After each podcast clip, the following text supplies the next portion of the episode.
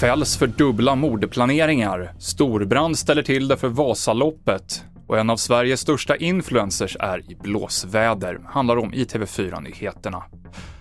En gängledare i Stockholm har dömts till nio års fängelse för att ha planlagt två olika mord. Det ena ett uppmärksammat fall där en man sköts till döds i en hotellreception vid Fridhemsplan förra året. Det andra en dödsskjutning i Haninge i somras. Mannen döms även för grovt vapenbrott och grovt narkotikabrott. Ingen är dömd för att ha utfört själva morden.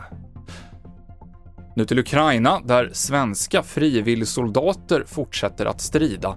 En av dem är Viktor Forsmark och han är frustrerad över så kallade krigsturister som inte har som främsta syfte att hjälpa den ukrainska armén. Det är ju de som åker ner för att ja, men jag vet inte, liksom få fler följare på TikTok.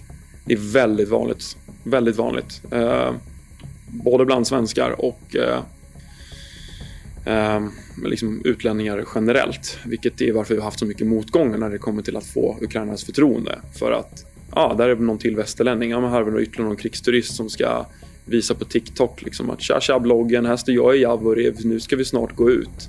Ja, en jävla överraskning att det kommer liksom en, en, en raket några dagar senare.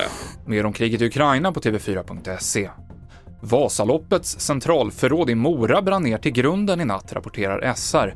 Blåbärssoppa, skidvalla och olika specialtillverkade verktyg och maskiner som behövs inför tävlingen är nu totalförstörda och Vasaloppets VD säger till SR att det kommer göra att nästa års tävling ser annorlunda ut.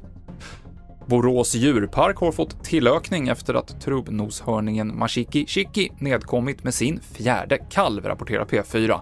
Det är en liten tjur på mellan 50 och 70 kilo som fötts och aven på djurparken är en del av ett internationellt bevarandeprogram för noshörningar.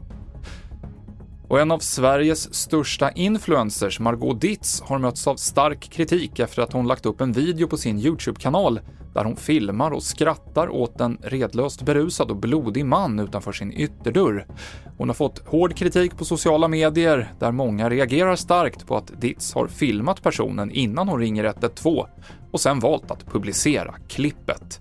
Det kan du se mer om på tv4.se. I studion nu, Mikael Klintevall.